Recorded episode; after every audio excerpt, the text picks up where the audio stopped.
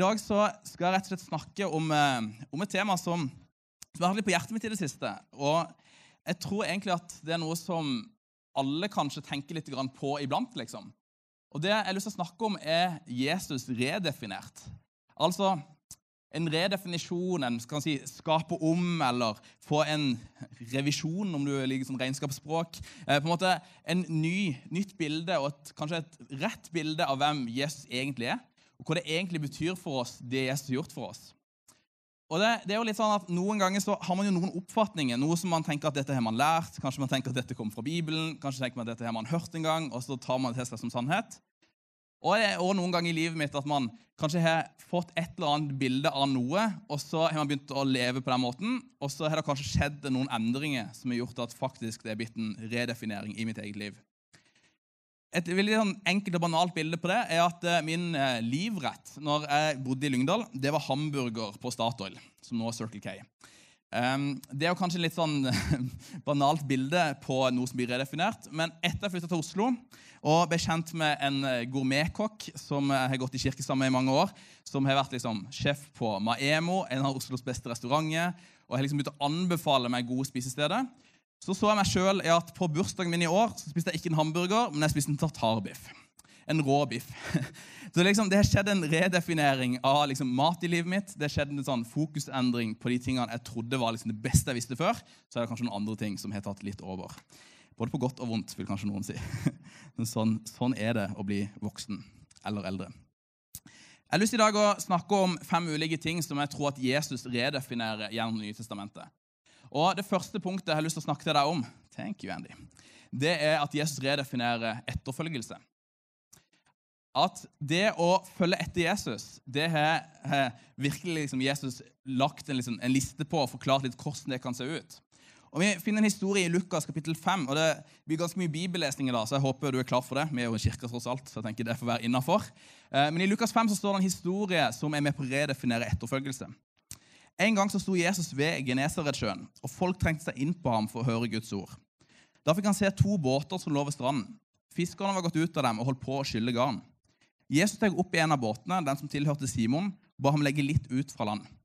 Ganske lurt av Jesus. Da, da kunne liksom ikke folk dra så lett. og ja, det er et sidespor. Så satte han seg, og så underviste han folkemengden fra båten. Da han var ferdig med å tale, så sa han til Simon, legg ut på dypet og sett garn til fangst. Mester, svarte Simon, vi har strevd hele natta og ikke fått noe. Det her var jo liksom erfarne fiskere som hadde dette som yrke og levebrød. De forsto liksom at det var best å fiske på natta. Jeg har aldri fiska så mye, men jeg har også forstått at ofte så er det mer fisk å få på natta. Og så sier de allikevel at på ditt ord så vil jeg sette garn. Så gjorde de det, og så fikk de så mye fisk at garnet holdt på å revne. Da snakker vi mye fisk, liksom. Det er ganske store mengder fisk. De ga tegn til arbeidslaget i den andre båten at de skulle komme og ta i med dem. Og Da de kom, så fylte de begge båtene så de var nær ved å synke. Her går det for å være utrolig lite fisk til å bli vanvittig mengde fisk på ganske kort tid. Da Simon Peter så det, så kastet han seg ned for Jesus sine føtter og så sa han, Gå fra meg, Herre, for jeg er en syndig mann. For han og alle som var med ham, ble grepet av forferdelse over den fangsten de hadde fått. På samme måte så var det med Stebedeus' sønner Jakob og Johannes som fiska sammen med Simon. Men Jesus sa til Simon, 'Vær ikke redd. Fra nå av skal du fange mennesker.' Vær ikke redd. Det høres jo ikke mer skummelt ut liksom gå fra fisk til menneske. Jeg tenker at kanskje de som satt i den båten der, sin første reaksjon var å være litt livredde. Men så står det likevel at de rodde båten i land, så forlot de alt, og så fulgte de etter han. Simon Peter og vennene hans de har fiska i lang lang tid. Og de har ikke fått så mye som eneste sursild. Det har liksom ikke vært noe fisk på kroken. Ingenting i garnene. Bare liksom stein og kanskje noe tang eller et eller annet, men ikke fått noe fisk. Så kommer det en fyr som Så kommer Jesus der. Og så sier han at de skal prøve en gang til, og så gjør de det. Og så ender det opp med å bli vanvittig mye fisk. Og Den umiddelbare konsekvensen av dette fiskemiraklet det er jo at det blir så mye fisk at de bare legger den fisken på en brygge, den fisken som de prøvde å få tak i så lenge, og som betyr så vanvittig mye for dem, som var levebrødet, som var maten deres. sin. Og så bare forlater de den der, og så følger de etter Jesus allikevel. Det er egentlig litt sprøtt, fordi at egentlig så er den umiddelbare konsekvensen her at det ligger masse fisk og råtner ved en brygge ved siden av Genesaretsjøen. Og så må man liksom tenke det at her er det de hadde kanskje hørt Jesus tale litt, kanskje hadde de hørt noen rykter om Jesus, og de hørte jo Jesus tale til dem i båten. Det må være et eller annet med det han sa, et eller annet med det ryktet som har gått foran med, om Jesus, som gjorde at de allikevel tenkte at du, det er verdt å bare liksom legge hele ukeslønna vår til side her for å følge etter denne mannen. For å se hva han har å tilby oss, for å se hvordan det livet med han kan bli. Når Jesus sier at de skal fiske mennesker, så tror jeg det er egentlig en utfordring til å ta vekk øynene fra det som var viktig for dem, og heller feste øynene på det som var viktig for han. Heller sette øynene våre på det som faktisk betydde noe for Jesus. Og der er det en helt annen betydning i å fiske menneske enn å fiske fisk, samtidig som fisk er Gud, det òg. Noen ganger så er det litt sånn at Gud gjør noe i livet som man ikke helt ser eller forstår når det skjer. Man skjønner ikke helt hvorfor dette skjer, eller konsekvensene av det der og da. Men så forstår man noen år lenger nede i gata at dette her betydde vanvittig mye for relasjonen som jeg har med Gud i dag. Jeg må si det at Mange ganger de siste ti årene jeg har bodd på Østlandet, så jeg setter meg sjøl tilbake litt i speilet og tenker litt tilbake på at noen av de definerende øyeblikkene i min reise med Gud, det har skjedd i det bygget her, det har skjedd i det rommet her, det har skjedd i den kirka her. Og Jeg skjønte det kanskje ikke alltid der og da at liksom, den preken eller den samtalen eller den kvelden skulle bli definerende for livet mitt. Men så ser jeg i etterkant at der skjedde det noe som jeg ikke forsto der og da, men som virkelig betydde noe for etterkanten. For ettertida. For eksempel så husker jeg at når jeg hadde vært, eh, vært en kristen i ca. fire uker, så ble jeg spurt om å være med på misjonstur til Latvia. Og Det er jo eh, kreds til Grete som inviterer med folk som har vært kristne i fire uker på det. Eh, og det var ganske mye liksom der som egentlig liksom var litt sånn sprøtt. For egentlig var den turen full, fullbooka. Eh, jeg tror det var sånn at Knut Daniel skulle egentlig måtte jobbe, så han måtte melde avbud i siste liten. Så tok jeg Knut Daniel sin plass. Familien min som ikke var kristne, de, de syntes det var liksom litt sånn heavy at jeg skulle dra på misjonstur. De hadde så vidt fått med seg at det hadde skjedd noe i livet mitt. og at jeg hadde blitt en kristen. Og det at jeg skulle dra på misjonstur rett etterpå, det var kanskje liksom ikke det kuleste å flagge hjemme. og det mest spennende. Men det som hadde skjedd noen uker i forveien, at jeg hadde fått en jobb jeg hadde fått en jobb på Joker i Lyngdal og begynt å jobbe litt og tjene litt penger. Og De pengene de dekka liksom akkurat det beløpet som jeg trengte for å kunne reise på den misjonsturen. Eh, på den misjonsturen så fikk jeg sett unge mennesker og eldre mennesker få lov til å møte Gud. Og Det gjorde noe med meg, det gjorde noe med lysten og gløden etter Gud i livet mitt. Og Det spredde seg til skolen min, det spredde seg til, til vennene mine, og det fikk lov til å spre seg inn i kirka her òg. Det er litt sånn, Når man ser tilbake på det, så kan man tenke at ja, det var en misjonstur. Det, sånn, det, det betydde sykt mye for de folkene som var der, og det gjorde det. Men så betydde det så vanvittig mye i livet mitt, og Gud gjorde noe i livet mitt som jeg ikke forsto helt når det skjedde. Vi ser stykkevis og delt men Jesus han ser hele bildet. Et bibelvers for 1. Korinter, det kommer ikke på skjermen dessverre. men for 1. Korinter 13, 12, eh, i en utgave som heter The Message, som er en sånn parafraseutgave av Bibelen, så, så står dette her. We don't yet see things clearly. We are squinting in a fog, peering through a mist. But it won't be long before the weather clears and the sun shines bright. We see it all then, see it all as clearly as God sees us, knowing Him directly just as He knows us. Gud han ser hele bildet. Og jeg ser kanskje i beste tilfelle liksom en piksel av det maleriet på, på, veggen. Jeg klarer bare å se noen få piksler, noen få greier av det, men Gud ser helheten i det. Kanskje det er det som av og til handler om liksom, å følge etter Gud. At det handler om å slippe litt kontrollen i sitt eget liv. Og Jeg tror liksom ikke at det å følge etter Jesus er liksom en sånn GPS-invitasjon, der du hele tida liksom, to skritt høyre, ett skritt venstre. Det er virkelig slitsomt hvis det skulle vært sånn. At bare, her er det bare én måte å navigere dette livet framover på. Men så er det kanskje litt sånn at man ofte tar et steg sjøl, og så merker man at Gud tar både det steget og neste steg sammen med deg. Og at på den måten så kommer man inn i landet som flyter over med melk og honning. Det ble litt kristenspråk, men det er fint. Um, for å følge etter Gud så tror jeg vi trenger å slippe fuskestyret vårt og følge etter Jesus. Å følge etter Jesus det handler om å la oss tørre og la oss forme mer av han. La oss tørre å miste litt kontrollen over eget liv og si at Gud, du har større kontroll over mitt, livet mitt enn det jeg, enn jeg sjøl har. Og det er vanskelig. Kanskje liksom i den kulturen vi lever i òg, er det ekstra vanskelig å på en måte slippe det, den fiskekontrollen, slippe den PlayStation-kontrollen, slippe det greiene som man har i hendene sine, og så la seg forme av Gud i hverdagen. Det er en utfordring, både like mye til deg som det er til meg. Punkt nummer to av det jeg vil snakke om, er at Jesus redefinerer regler. Han redefinerer regler ifra, ifra regler til hjertet. Og jeg tror det er noe med det at man får en sånn tydelig utfordring fra Jesus i Nytestamentet At Det handler ikke om å leve som en kristen skilpadde, der vi skaller inn en kristen oppførsel, men at hjertet ikke er med på samme greia. Det er så fort gjort noen ganger at man liksom tenker at nå, nå skal man ta seg sammen og nå skal man virkelig være en god kristen eh, i hermetegn, og virkelig få til disse greiene sjøl. Og det det ofte ender med, det er at, derne, at man blir litt sånn litt hard, kanskje.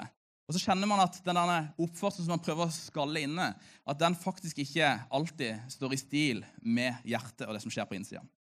Det handler om hjertet ditt. Hjertet det påvirker handlingene, men handlingene påvirker kanskje ikke hjertet på samme måten i denne sammenheng. Jesus han redefinerte jødiske regler, og så gjorde han det annerledes for å nå ut med kjærlighet til folket. Han var sammen med folk som andre mente at han ikke burde være sammen med. Han var sammen med kvinner, han var sammen med prostituerte. Han var sammen med de menneskene som, som virkelig så ut til å leve et liv i rennesteinen. Som så ut til å kanskje ikke ha et håp, som så ut til å være ganske håpløse. Der tilbringte han tida si. Mange av de skriftlærde, fariseerne, de så på det der som ganske uhørt. Tenk deg at han liksom bruker tid sammen med dem. Tenk at for han så brukte han, var han sammen med folk som han absolutt ikke burde vært sett sammen med engang. Han burde ikke vært i nærheten av dem. Men der var han, midt i det. Jeg vet ikke helt. Nå er det lenge siden jeg har bodd i Lyngdal, men kanskje er det en, noen folk i, din, i ditt liv òg. Kanskje er det noen folk i denne byen her òg som vi trenger å kunne nå ut til som kirke. Som vi kunne trenge å liksom, bli mer myke i hjertet vårt, og ikke komme med en sånn pekefinger og sier at du passer ikke inn her, du er ikke god nok, du får ikke til dette her livet med Gud. Men faktisk ikke skalle inn den oppførselen, men heller si at dette her dreier seg om hjertet. Det dreier seg om det som Gud gjør på innsida. Johannes 8, vers 3-11, de viser dette her på en ganske unik måte. Det står at de skriftlærde kom, og fariseerne kom med en kvinne som var grepet i ekteskapsbrudd. De førte henne fram og sa, 'Mester, denne kvinnen grep på fersk gjerning i ekteskapsbrudd.' I loven så har Moses påbudt oss å steine sånne kvinner. Men hva sier du? Dette sa de for å sette ham på prøve, så de kunne få noe å anklage ham for. På en måte, Uansett hva, hva Jesus gjør i denne situasjonen, her, så blir det ganske galt. Jesus han bøyde seg ned og han skrev på jorda med fingeren. Når de fortsatte å spørre, så retta han seg opp og sa, 'Den av dere som er uten synd, kan kaste den første steinen på henne.' Så bøyde han seg ned igjen og skrev på jorda. Litt sånn, Det er Jesus, liksom. Ganske sprø oppførsel på mange måter. Da de hørte det, så gikk de bort én etter én. De eldste først. Og Til slutt var det bare Jesus alene igjen sammen med denne kvinnen som sto foran ham. Da rettet han seg opp og så spurte han kvinne, hvor er de? Har ingen fordømt deg?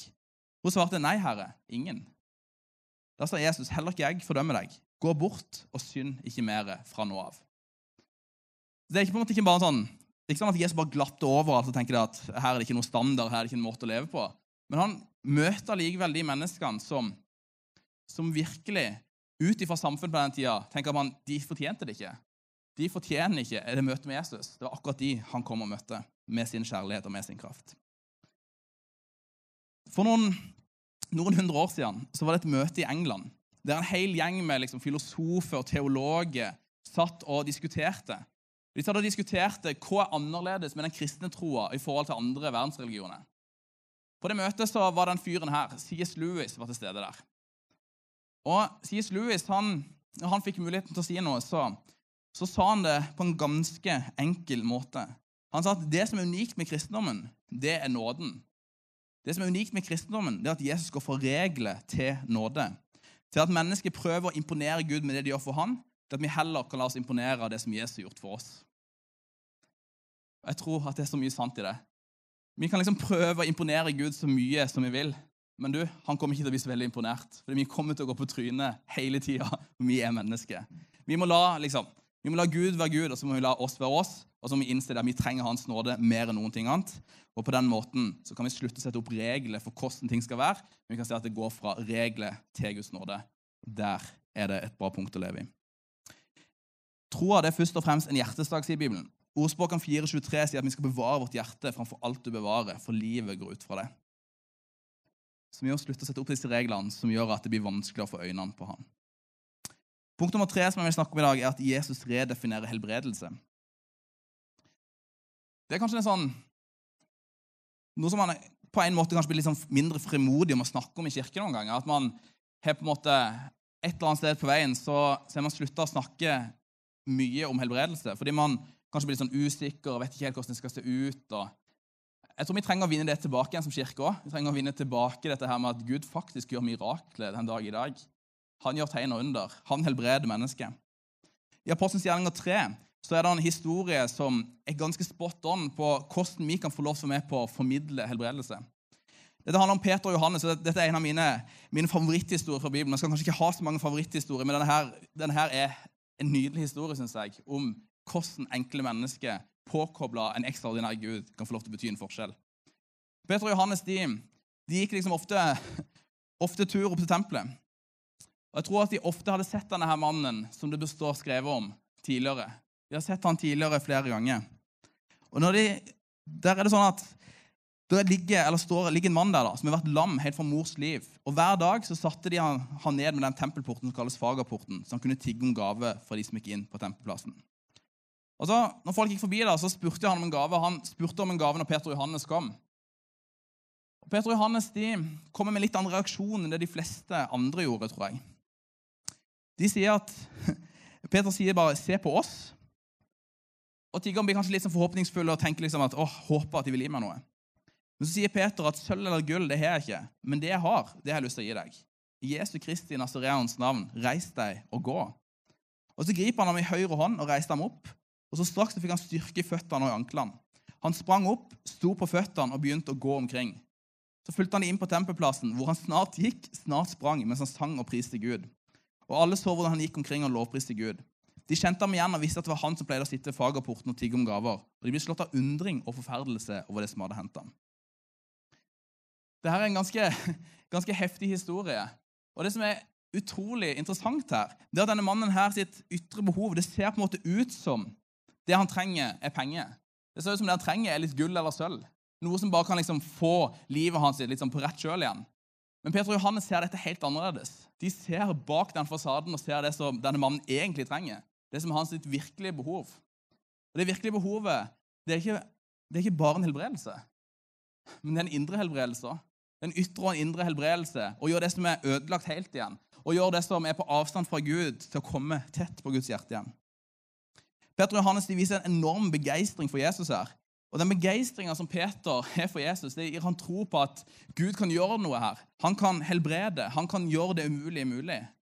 Og Så smitter den begeistringa og troa på Jesus over til denne mannen. Han mottar helbredelsen sin fra Gud, og så blir han så gira at han begynner liksom å springe rundt og løpe rundt. En fyr som ikke kunne gått før. Plutselig er han på løpetur liksom, i gatene der. Og Folk blir så overraska over å se det. Og Når man leser videre Apostelens gjerninger, så er det sånn at denne historien her fikk ganske stor betydning for at mange fikk lov til å høre evangeliet, og for at mange fikk lov til å bli kjent med Jesus. I vers, eh, I vers 16 så står det dette her, at ved troen på hans navn har hans navn gjort denne mannen sterk. Han som dere ser og kjenner. Ja, troen som kommer ved ham, har gitt ham full helse framfor dere alle. Og Videre i Apostelens gjerninger 4 også, så kan vi lese i 4.4 om at hvordan dette her er med på forløse at flere mennesker kom til å tro på Jesus. Tilbake til denne her misjonsturen i Latvia i 2008. Det er lenge siden. Steike. Vi var på et husbesøk hjemme hos en eldre dame. Ei dame som hadde skada kneet sitt. Hun hadde en, en stor kul under kneet sitt og sleit med å gå. Og Jeg hadde vært kristen i fire uker og hadde liksom akkurat hørt om at ja, det går an å be for folk som er syke, og de kan faktisk bli friske. Og meg og eh, de andre som var herfra, vi, vi, vi la hendene på og så ba vi for henne. Og Det som skjer den ettermiddagen, det er at hun opplever å bli frisk. Den kulen, den klumpen hun har hatt der, forsvinner. Og Hun begynner å gå rundt etterpå og er helt sånn Wow, hva er det som skjer? Når jeg kommer hjem til Norge, så, så husker jeg at jeg begynner liksom å tvile litt på det som har skjedd. og sånn, Var virkelig den kulen der? Var det sånn? Var hun egentlig dårlig, eller var dette her bare noe som jeg innbilte meg? eller? Hva skjedde egentlig her? Et år seinere var vi i Latvia igjen. og Da var vi en times tid unna i en annen by. Og Da, da sto jeg på et gatemøte og fortalte historien om hvordan denne dama her hadde blitt helbreda. Når jeg står og forteller den historien, så ser jeg ut på, på forsamlinga der. Det var ikke så veldig mange folk, kanskje 10-15 stykker som står og ser på. Da ser jeg ei dame som jeg syns jeg kjenner igjen. Etter vi har hatt litt dans og drama og sang, og forskjellige greier, så kommer hun dama bort til oss. Og så sier hun det at 'Oi, eh, takk for det som skjedde i fjor. Og så sier hun takk for at vi var med og brydde oss om henne, vi ga mat til henne, og vi ba for henne. Og så sa hun at hun fremdeles var bra i beinet sitt. Og så ble jeg helt sånn Hæ? Hvorfor er du her? Liksom, det er langt unna. og Hvordan er du kommet deg hit? Så hadde du bare hørt rykter om at det skulle komme noen fra Norge igjen. Og hadde bare så lyst til å se om det var oss, om det var samme gjengen som kom. Det gjorde noe med, med min tro. Det styrka noe i meg på at oi, her er det faktisk sånn at Jesus han gjør mirakler en dag i dag. Det funker faktisk. Denne dama her fikk ikke bare et, eh, en bedre livsstil og kunne gå igjen, men hun fikk en tro på Gud. Fikk, det skjedde en endring på innsida hos henne fordi hun så at her er det noen i himmelen som virkelig bryr seg om meg. Og det er fantastisk. Så La oss aldri glemme det at vår Gud han bryr seg om alt det som ikke er helt. Han helbreder, og så gjør han det som er i stykker, helt igjen. Han leger det som er skada. Han fikser det som er sønderbrutt.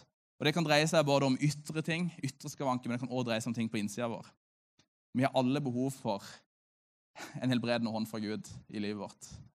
Vi har alle behov for å motta hans helbredelse, motta hans legedom. Og jeg tror at det kan bli sterkt når andre folk i, bygda og byen vår får lov til å se at Gud faktisk helbreder en dag i dag. Punkt nummer fire som jeg vil snakke om er at Jesus redefinerer seg sjøl. Og Før du blir stressa av hvor mange punkter det er, så er det fem punkter. så du skal slippe ti, liksom. Eh, men Jesus redefinerer seg sjøl. Det var liksom mange mennesker som man kan lese med evangeliene, som, som begynte å lure på hvem, hvem er egentlig denne her? Hvem er den fyren som går rundt i skjortel og sandaler og som gjør liksom mirakler? Er det en, er det en profet? Er det, en, eh, er det liksom en kvakksalver? Er er det fake, det han gjør? Eller kan det være sånn at det ryktet som man har hørt om Messias, kan det være sånn at det faktisk stemmer? Kan det være at han er den han sier han er? Kan det være at han er Guds sønn?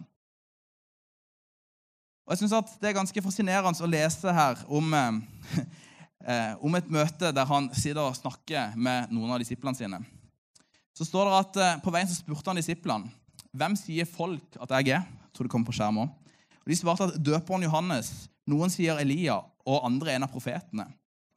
Så spør Jesus ja, men dere, da? Hvem sier dere at jeg er? Så svarer Peter du er Messias. Det her er jo litt interessant, for jeg synes Peter er en ganske fascinerende type. Det er en ganske, sånn, eh, ganske spontan fyr. Og litt rask til å snakke uten å nødvendigvis være veldig gjennomtenkt. Jeg tror kanskje jeg kjenner meg litt igjen i Peter noen ganger. Og liksom i den der litt spontaniteten og litt lite gjennomtenkt før man åpner munnen sin. Ja. Fikk jeg høre fra kona. Det er en fin, fin bekreftelse.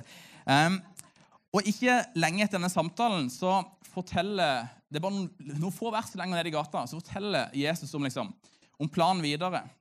Om at han, eh, om at han faktisk skal, skal dø. Og Peter blir jo helt forarga liksom, og helt sånn Nei, det der kan ikke skje med deg, mester. Det er helt uhørt, liksom. Det var et eller annet der som Peter ikke hadde, hadde fått plukka opp. Han forsto ganske mye om hvem Jesus var, men han forsto ikke så veldig mye om hva Jesus egentlig kom for å gjøre. Han liksom hadde en erkjennelse at han hadde et fellesskap med Jesus og hadde en god relasjon med han. Men allikevel så det oppdraget som Jesus egentlig kom for å utføre, det hadde han ganske lite peiling på på det tidspunktet. Hvor ofte er det ikke sånn for oss for vår del også, at vi prøver å få Jesus til å passe inn i, i livet vårt? At vi liksom prøver å passe, få det til å passe inn i forhold til våre forventninger, i forhold til vår kultur. Noen ganger så tror jeg det er viktig å minne oss sjøl på at Bibelen, Guds ord, den er ikke først og fremst skrevet til oss, den er skrevet for oss. Den er skrevet til en annen tid, til en annen kultur. Men samtidig så er Guds ord det er for oss. Men det var noen andre som var de første mottakerne, opprinnelige leser av Guds ord. Hvis Jesus kun hadde brydd seg om det indre, så hadde, jo, så hadde han vært en psykolog. liksom. Og Hvis han kun hadde brydd seg om det ytre, så hadde han vært en lege. Hvis han kun hadde brydd seg om framtida di, så hadde han vært en coach, en sånn livscoach. Men Jesus er på en måte alle de tingene og ingen av de tingene. Han redefinerer seg sjøl og sier om hvorfor han er kommet hit. Han er veien, sannheten og livet. Ingen som ikke kommer via han, skal ikke komme til Faderen. Jesus er den eneste som både leger det som er sårt, som både bryr seg om alle, som er der for den minste og for den største, og som samtidig gir et evig liv. Som samtidig peker framover mot et liv i evigheten der det ikke skal være noe smerte, der det skal ikke være noe gråt, der det bare skal være god stemning sammen med han. Vi skal få lov til å leve sammen med han for evig. Punkt nummer fem. Jesus redefinerer frelse. Det har vært så mange ulike oppfatninger opp gjennom historien. Liksom. Hva kan til for å bli frelst? Eh, hvordan kan det se ut? Og utrolig mange religioner har liksom sine svar på hvordan dette her skal se ut, og hvordan kan man virkelig liksom få et evig liv. Måten Jesus kom med dette her på, hans utgangspunkt, er helt annerledes. Han bøyer seg ned der andre liksom, i andre religioner så må man, må man strekke seg opp etter noe. Men han kommer med en inviterende hånd. Han kommer der og setter seg ned på kne på sida av oss og sier at du, du er velkommen. Du er velkommen inn i Guds familie. Jeg ønsker et fellesskap med deg. Han gjør det sammen med, med folk som, som absolutt ikke har levd perfekte liv. Han gjør det sammen med, med meg, og han gjør det med deg. Vi alle sammen har liksom ting som vi tenker at dette her er jo på en måte ikke godt nok. Men for Gud så er han likevel velkommen inn i det fellesskapet. Lukas 20, 25. Der sier, sier Jesus til dem at gi keiseren det som tilhører keiseren, og Gud det som tilhører Gud. Kravet for keiseren her var ganske stort. Det dreide seg liksom om, om skatt. Men så kravet fra Jesus var enda større. Gi Gud det som tilhører Gud. Hva tilhører Gud? Meg og deg tilhører Gud. Vi tilhører Gud. Det kravet er enda større. Det, det handler om overgivelse. Det handler om omvendelse. Det handler om å slippe sitt eget, gi hele livet sitt til Gud. Og på den måten gi det som hører Gud til. Vi kan gi oss til Han. Det er det mest radikale og mest utfordrende budskapet som fins i 2020. Og Det var også det mest radikale budskapet som fantes for 2000 pluss år siden, når Jesus vandra rundt i kjortel og sandaler. Det var radikalt da, og så er det kanskje superradikalt en dag i dag òg. Og det utfordrer meg, det utfordrer deg, og det utfordrer våre venner til å liksom si at du, faktisk er det sånn at man kan få lov til å gi livet sitt til han, han som elsker deg, og han som har en plan for deg. Lovsangstimen kan eh, komme og gjøre seg klar, så skal vi snart gå inn for landing her. Men det er, det er utrolig hvordan, hvordan jeg tror vi trenger en sånn redefinering av hvem Jesus egentlig er. At Vi trenger å forstå at han redefinerer etterfølgelse. Han kommer med en invitasjon og sier 'følg meg'. Jesus han redefinerer ifra regler til hjertet. Det handler ikke først og fremst om å, om å liksom følge et lovsett, men det handler om å følge Guds hjerte. Det handler om å få lov til å ikke sette seg inne med en oppførsel som, som på en måte den skal liksom please Gud, eller den skal please mennesket og vise at 'nå er min flink kristen', men det handler om hjertet ditt. Og så må vi huske på i den ligninga at Jesus redefinerer helbredelse. Vi kan være med på det. Vi kan være med på å videreformidle helbredelse, videreformidle hans godhet, hans legedom. Og i det så, så ligger det vanvittig mange gode muligheter.